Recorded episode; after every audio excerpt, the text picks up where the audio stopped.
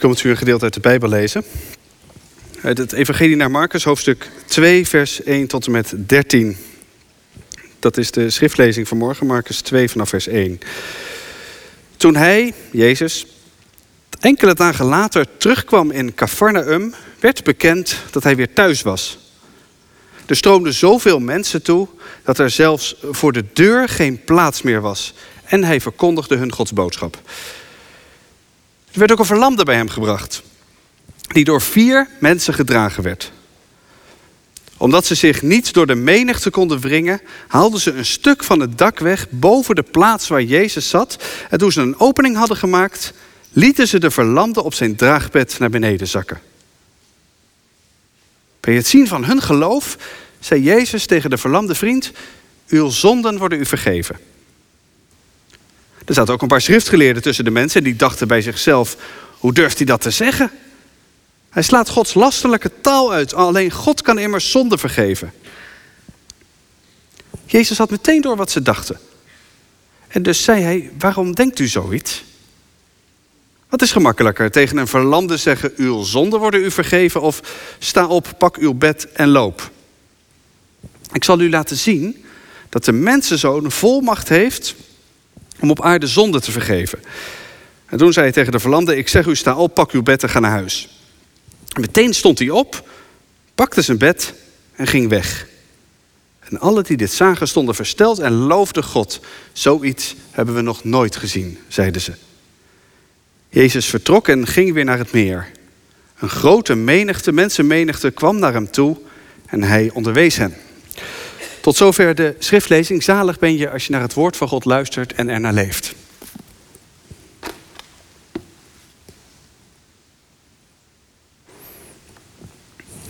Mag ik je iets vragen?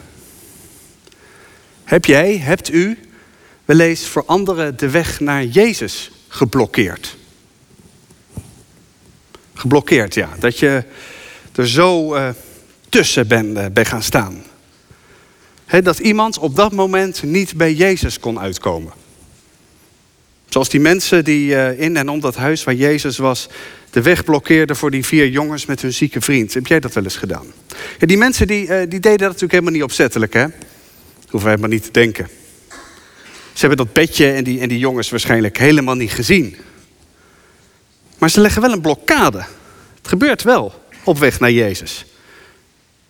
En misschien was dat bij jou wel een, uh, wel een periode waarin je uh, vooral met jezelf bezig was. Misschien zei het geloof je op dat moment ook niet zoveel. Misschien uh, kwam het door bepaalde ideeën die je had over hoe het zat met het geloof of hoe het moet in de kerk. Dat je mensen geblokkeerd hebt en dat je daardoor de liefde een beetje vergeten was. Dat je daardoor dus een, een, een blokkade bent geweest voor mensen om bij Jezus te komen. Ja, de kerk is de kring rondom Jezus. Volgens mij is dat de beste, de beste definitie van een kerk die je kunt geven. De kring rondom Jezus. Het draait niet om ons hier. Het draait in deze kerk om Jezus. De rest is allemaal stukken minder belangrijk. En iedereen, iedere vreemde, iedere, iedere zoeker, iedereen is welkom in deze kring. Omdat het hier nogmaals niet over ons gaat. Maar het kan wel eens gebeuren en het is ook wel gebeurd, denk ik, in de kerk, dat die kring hele hoge muren kreeg. en dat die kerkmuren dat die belangrijker werden gevonden dan of mensen allemaal wel welkom waren hier. En dat die poort van Gods liefde misschien niet wagenwijd open heeft gestaan, maar hooguit op een, op een keertje. Dat wij in de kerk mensen niet welkom hebben geheten. Misschien jongeren, van wie we beloofd hadden dat we ze de weg naar God uh, zouden laten vinden. Misschien mensen die anders waren dan wij.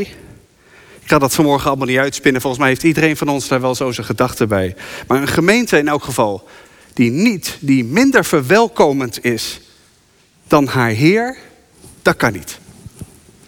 Daarom die vraag, heb jij, hebt u voor anderen wel eens de weg naar Jezus geblokkeerd? En waarom was dat toen? Dat is mijn eerste vraag aan, uh, aan u, aan jullie vanmorgen. Ik heb eigenlijk uh, in deze preek Oh, ik moet van mijn oortje blijven.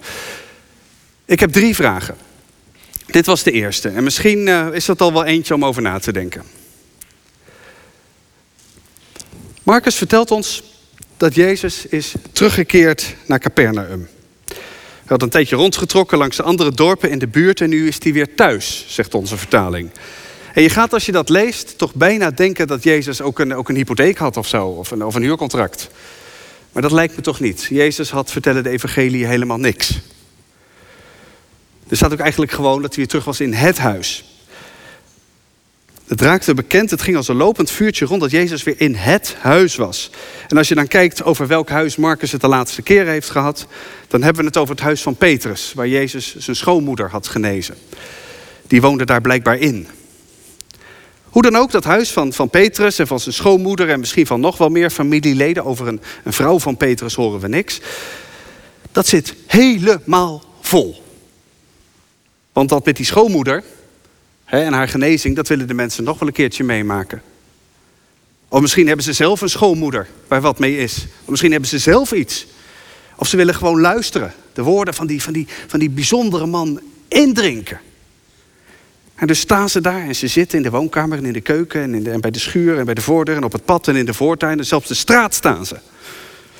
En terwijl Jezus vertelt over het koninkrijk van God, staan die mensen daar te duwen en te trekken voor een plekje. Zozeer dus dat die vier jongens met hun zieke vriend niet bij Jezus kunnen komen. Maar dan, en bij dit soort Bijbelverhalen is het altijd ontzettend handig en fijn als je je probeert voor te stellen dat je daarbij was. U hebt net een hoekje in de keuken bemachtigd. Jij zit eh, bovenop de eettafel met een klein beetje zicht op Jezus. Anderhalve meter hoefde je niet te houden en aan de poort registreren, dat, eh, dat ging ook niet. En dan hoor je ineens gerommel boven je hoofd. de mensen die net nog druk bezig waren met het vechten om een, om een plekje, die zullen stil zijn geworden. Want wat gebeurt er? Er beginnen stukjes leem en, en, en stro beginnen naar beneden te vallen. Er ontstaat een gat in het platte dak. En ineens zie je, je een hand en, en nog één. En die maken dat gat snel groter. En dan zie je een hoofd door dat gat. En, en nog één. En Jezus die zal ook wel gestopt zijn met praten, want niemand luisterde natuurlijk meer naar hem. En iedereen ziet hoe dat gat groter en groter wordt. En ik probeer me ook maar niet voor te stellen hoe de schoonmoeder van Petrus dat allemaal heeft gevonden, wat er met het dak gebeurde. En dan langzaam, als dat gat groot genoeg is, dan zien de mensen een bedje naar beneden komen. Een soort hangmat aan vier touwen. En daarin, dat kun je duidelijk zien, daarin, daarin ligt of hangt een verlamde man. En die vier jongens die laten hem zo precies zakken voor de voeten van Jezus. Hebt u, dat is mijn tweede vraag vanmorgen, hebt u, heb jij wel eens mensen bij Jezus gebracht? En wat verwachtte je daar toen van? De eerste vraag was, heb je mensen wel eens verhinderd om bij Jezus te komen? De tweede vraag is, heb je als mensen bij Jezus gebracht? Jezus die, eh, Kijk naar die jongen voor hem op dat bedje. En ik kijk naar boven, naar die vier gezichten, die stel ik me zo voor weer verwachtingsvol naar beneden staren. En dan staat er iets bijzonders in het verhaal. Iets waar je heel snel overheen leest. En misschien ken je dit verhaal heel goed omdat je al heel lang in de kerk komt. En denk je, ik weet wel, ik weet hoe het afloopt. Maar er staat iets heel geks. Dan staat er, bij het zien van hun geloof, zei Jezus tegen de verlamde vriend, uw zonden worden u vergeven. En dat gaat me nou vanmorgen even niet om te vragen hoe dat nou komt dat Jezus eerst de zonde van de jongen uh, vergeeft en daarna pas zijn kapotte lichaam geneest. Blijkbaar was dat nodig. Hè? Blijkbaar is alleen gezond zijn niet, niet genoeg. Onze gezondheid is ons alles waard, zeggen we wel eens. Nou, er is iets wat nog belangrijker is en dat is je verhouding met God. En ook, daarvoor, en misschien wel juist daarvoor, is Jezus daar. Hij zegt dat ook later hè, tegen die rechtlijnige orthodoxe theologen die ook een plekje in dat huis hebben gevonden. Van, ik zal u laten zien dat de mensen zo'n volmacht heeft om op aarde zonde te vergeven. En dan zegt hij tegen de verlamde, ik zeg je, sta op, pak je bed op en ga naar huis. het gaat me vanmorgen om iets anders. Marcus zegt letterlijk, bij het zien van hun geloof, zei Jezus tegen de verlamde beneden, vriend, je zonden worden je vergeven. Die jongen, zijn zonde, zijn schuld, zijn verbroken relatie met God wordt hem vergeven. Dat is omdat zij, zijn vrienden, op God vertrouwen. En naar Jezus toe gaan. Ook al worden ze misschien wel van alle kanten versperd en tegengehouden, moeten ze door muren en daken heen breken. Het is om hun geloof. Moet je even tot je laten doordringen wat dat betekent. Heb jij wel eens mensen bij Jezus gebracht? Heel bewust. Vanmorgen hebben zes, uh, zes paar doopouders dat gedaan. Dat is natuurlijk heel duidelijk, hè? heel expliciet. Maar het kan ook in je gedachten, in je gebeden. In wat je vertelt, in wat je probeert uit te stralen. Heb je als mensen bij Jezus gebracht? Je, je kinderen misschien? Andere mensen, vrienden, je man, je vrouw, je vriend, je vriendin? En wat verwachtte je daar toen van? Dat was mijn tweede vraag vanmorgen. Hè? Verwachtte je toen eigenlijk wel iets, toen je dat deed? Toen je aan het bidden was voor ze? Hebt u wel eens verwacht dat God om, om uw geloof iets zal bewerken bij die ander? Natuurlijk, natuurlijk, het is zo dat God eerst en vooral een keuze van, van ons verwacht. bijvoorbeeld als je zelf als kind uh, gedoopt bent, uh, wat wordt het? Je bent later groot geworden, je ouders hebben ja gezegd. Er komt een moment waarop die, dat ja ook van jou gevraagd wordt. Dat is een keuze. Iedereen van ons staat voor een keuze. Geloof je het of geloof je het niet? Ga je met Jezus leven of ga je dat niet doen? En dan heeft de Bijbel het niet over allerlei middenwegen. Zo van, mijn ouders waren ook heel gelovig en zo. Of ik ben christelijk opgevoed. En hoezeer andere mensen je ook de weg naar Jezus kunnen versperren en tegenhouden. Uiteindelijk is het ook een keuze om niet te geloven. Er wordt aan u, aan jou, aan mij persoonlijk om een keuze gevraagd. En dan laat de Bijbel zien dat er eigenlijk maar twee mogelijkheden zijn. Een keuze voor en een keuze tegen. En toch, en toch, en toch zegt Jezus tegen die jongen beneden, terwijl hij nog helemaal niks heeft gedaan en niks heeft gezegd, vanwege hun geloof, je zonden worden je vergeven. Dat is toch vreemd? Hebt u wel eens mensen bij Jezus gebracht? Blijkbaar heeft dat zin om dat te doen. Ook als ze er zelf misschien nog niet helemaal klaar voor zijn. Blijkbaar heeft het zin om voor mensen om je heen te bidden. En de kracht, is, de kracht die daarvan uitgaat is blijkbaar zo groot dat God daardoorheen wonderen doet. Die vrienden van de jongen die geloofden als het ware voor hem. Ze geloofden natuurlijk in de eerste plaats voor zichzelf. Hè. Het was hun vertrouwen dat ze dachten, we gaan, die, we gaan die vriend van ons naar Jezus brengen. Maar vervolgens deden ze dat ook voor hem. Het is niet de standaard manier, zeg maar, maar, maar blijkbaar kan dat. En je ziet dat vaker gebeuren in de Bijbel. Paulus heeft het daarover, tegenover vrouwen van mannen die niet geloven. In 1 Korinthe 7, als je dat uh, thuis rustig wil nalezen. Want de ongelovige man, zegt Paulus daar, die behoort dankzij zijn vrouw God toe.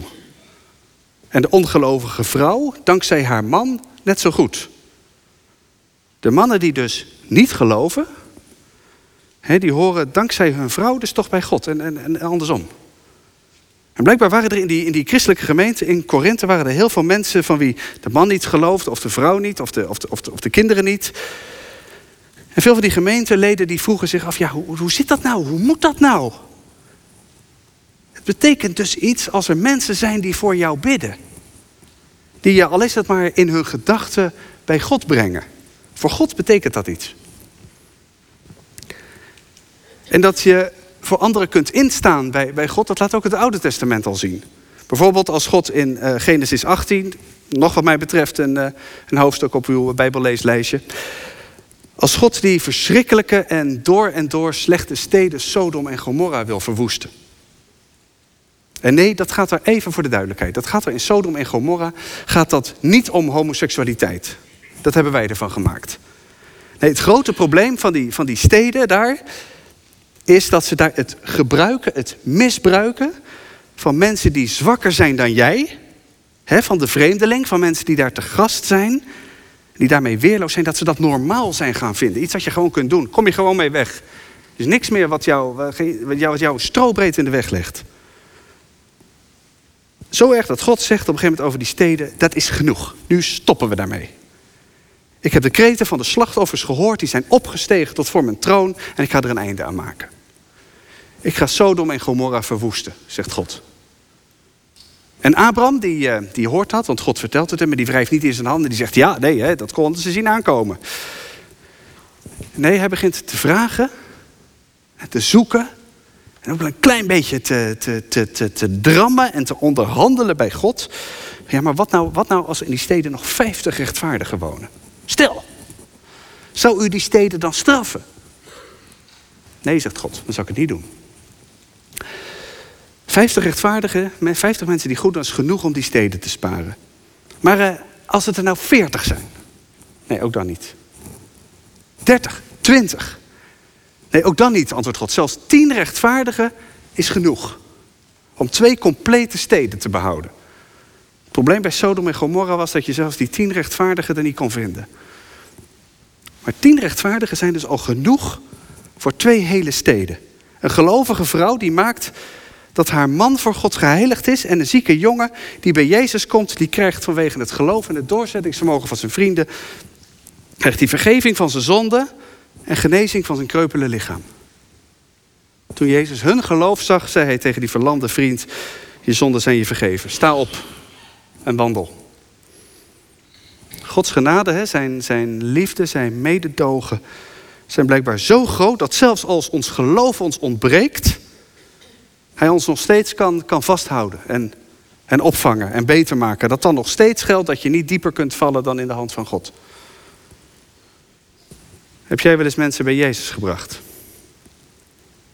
Blijkbaar kun je daar heel wat van verwachten. Ik heb nog een derde vraag aan jou vanmorgen. De eerste vraag was: heb je voor anderen de, de weg naar Jezus wel eens geblokkeerd en hoe kwam dat dan? De tweede was dus: heb je wel eens mensen bij Jezus gebracht? Kun je dus blijkbaar veel van verwachten. En tenslotte de derde vraag: weet je eigenlijk nog wie jouzelf bij Jezus heeft gebracht? Wie daar in jouw geval voor gezorgd heeft. We hebben net aan het begin van de dienst twee voorbeelden daar al van gehoord.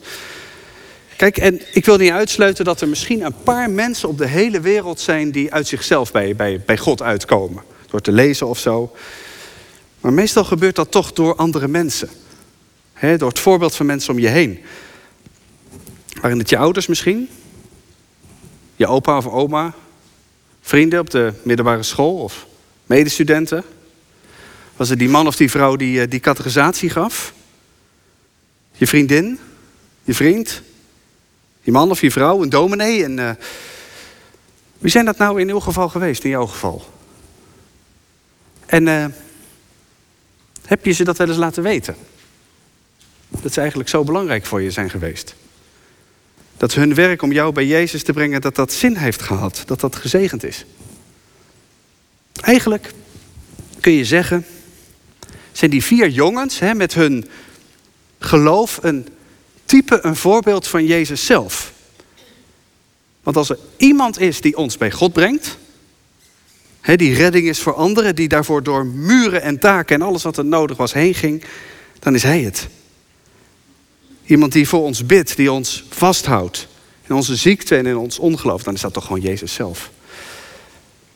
En misschien kun je zo ook eens naar. Uh, bijvoorbeeld naar je, naar je ouders kijken, hoe imperfect zo ze ook waren. Als ze je jarenlang mee naar de kerk hebben genomen. Ook op momenten dat je er helemaal geen zin in had. Als ze je hebben laten dopen. Als ze voor je gebeden hebben, als ze je opdroegen aan God. Kijk zo eens naar andere mensen aan wie je dat te danken hebt. Het geloof of de, of de verdieping daarvan. Naar mensen in deze kerk of, of, of weet ik waar. Die jou precies zagen op het moment dat jij dat vreselijk nodig had. Als mensen in wie je toen iets van Jezus zelf kon zien. Want alleen daardoor, hè, alleen doordat ze toen op Jezus leken, alleen door wat achter wat zij deden er iets, nog iets veel groters en, en geweldigers schuil gaat. Hè, van wat Christus voor ons heeft gedaan. Alleen daardoor heeft onze trouw en onze liefde en ons mensen bij Jezus brengen, heeft dat zin. Uiteindelijk is het door en heen God zelf die ons bij zich gebracht heeft. Die voor ons geloofd heeft, die geleden heeft. Die onze zonde heeft gedragen, die onze wonden heeft geheeld. En het is Christus zelf die ervoor zorgt dat door de kracht van zijn Heilige Geest sommige mensen in wat ze doen een beetje op hem zijn gaan, uh, zijn gaan lijken. En vertel nou straks eens uh, bij de koffie thuis eens aan wie er nu in je gedachten opkomt. We hebben hier straks, als iedere zondag in eh, Kruispunt, de, de vrijplaats. Dan gaan we bidden voor de wereld en voor onze zieken. En breng straks nou eens, als we aan het bidden zijn, al die mensen mee die dan ergens in jouw gedachten zijn. je mag ze hard opnoemen straks via de microfoon. Je mag ze ook gewoon voor je houden in je gedachten. Maar breng ze naar God toe. Ook al zijn ze daar zelf dus misschien nog niet helemaal klaar voor. Doe nou zoals die vier jongens deden met hun, met hun zieke vriend. Ik wil jou van harte dienen, hè, zegt dat christelijk liedje. Ik wil jou van harte dienen en als Christus voor je zijn. En bid dan dat ik de genade vind dat jij het ook voor mij kunt zijn. Wat zou het fantastisch zijn als kruispunt in al zijn vormen en met al zijn activiteiten een plek, wordt, een plek is waar je niet gehinderd wordt om bij Jezus te komen, maar waar je je welkom voelt. Welk verhaal je ook hebt. En dat als je God zoekt, dat dit de plek is, dat dit de mensen zijn waar je hem kunt vinden. Amen. We zullen danken. Wij danken u, Heer onze God, voor uw ja, uw radicale ja tegen ons. En daaruit voortvloeiend voor het ja van de doopouders vanmorgen in de eerste dienst. We danken u voor ouders, voor familieleden, voor goede vrienden, voor iedereen die iets van uw licht en uw liefde en uw vrede aan ons heeft laten zien. We danken u voor juffen en meesters die dat doen op school, voor de lening van het kinderkwartier, voor iedereen die hier in Kruispunt jeugdwerk doet of, of jongerenwerk. U gebruikt hen veel meer dan dat ze zelf vaak doorhebben. We danken u voor de mensen die ons over u hebben verteld. Misschien snapten we er toen niet zoveel van nog, maar heeft het toch iets gedaan. En als het zo geweest is, Heer onze God, dat wij op momenten mensen de toegang tot u hebben versperd, als er momenten waren dat wij in de weg hebben gestaan, voor onze kinderen, voor jongeren, voor, voor wie dan ook, dan bidden we u daarvoor om vergeving. En we bidden u, geef dat we allemaal, iedereen stuk voor stuk hier, eerder open deuren zullen zijn voor uw evangelie dan gesloten muren. Dat mensen bij ons niet door het dak naar binnen hoeven. Dat bidden we in Jezus' naam. Amen.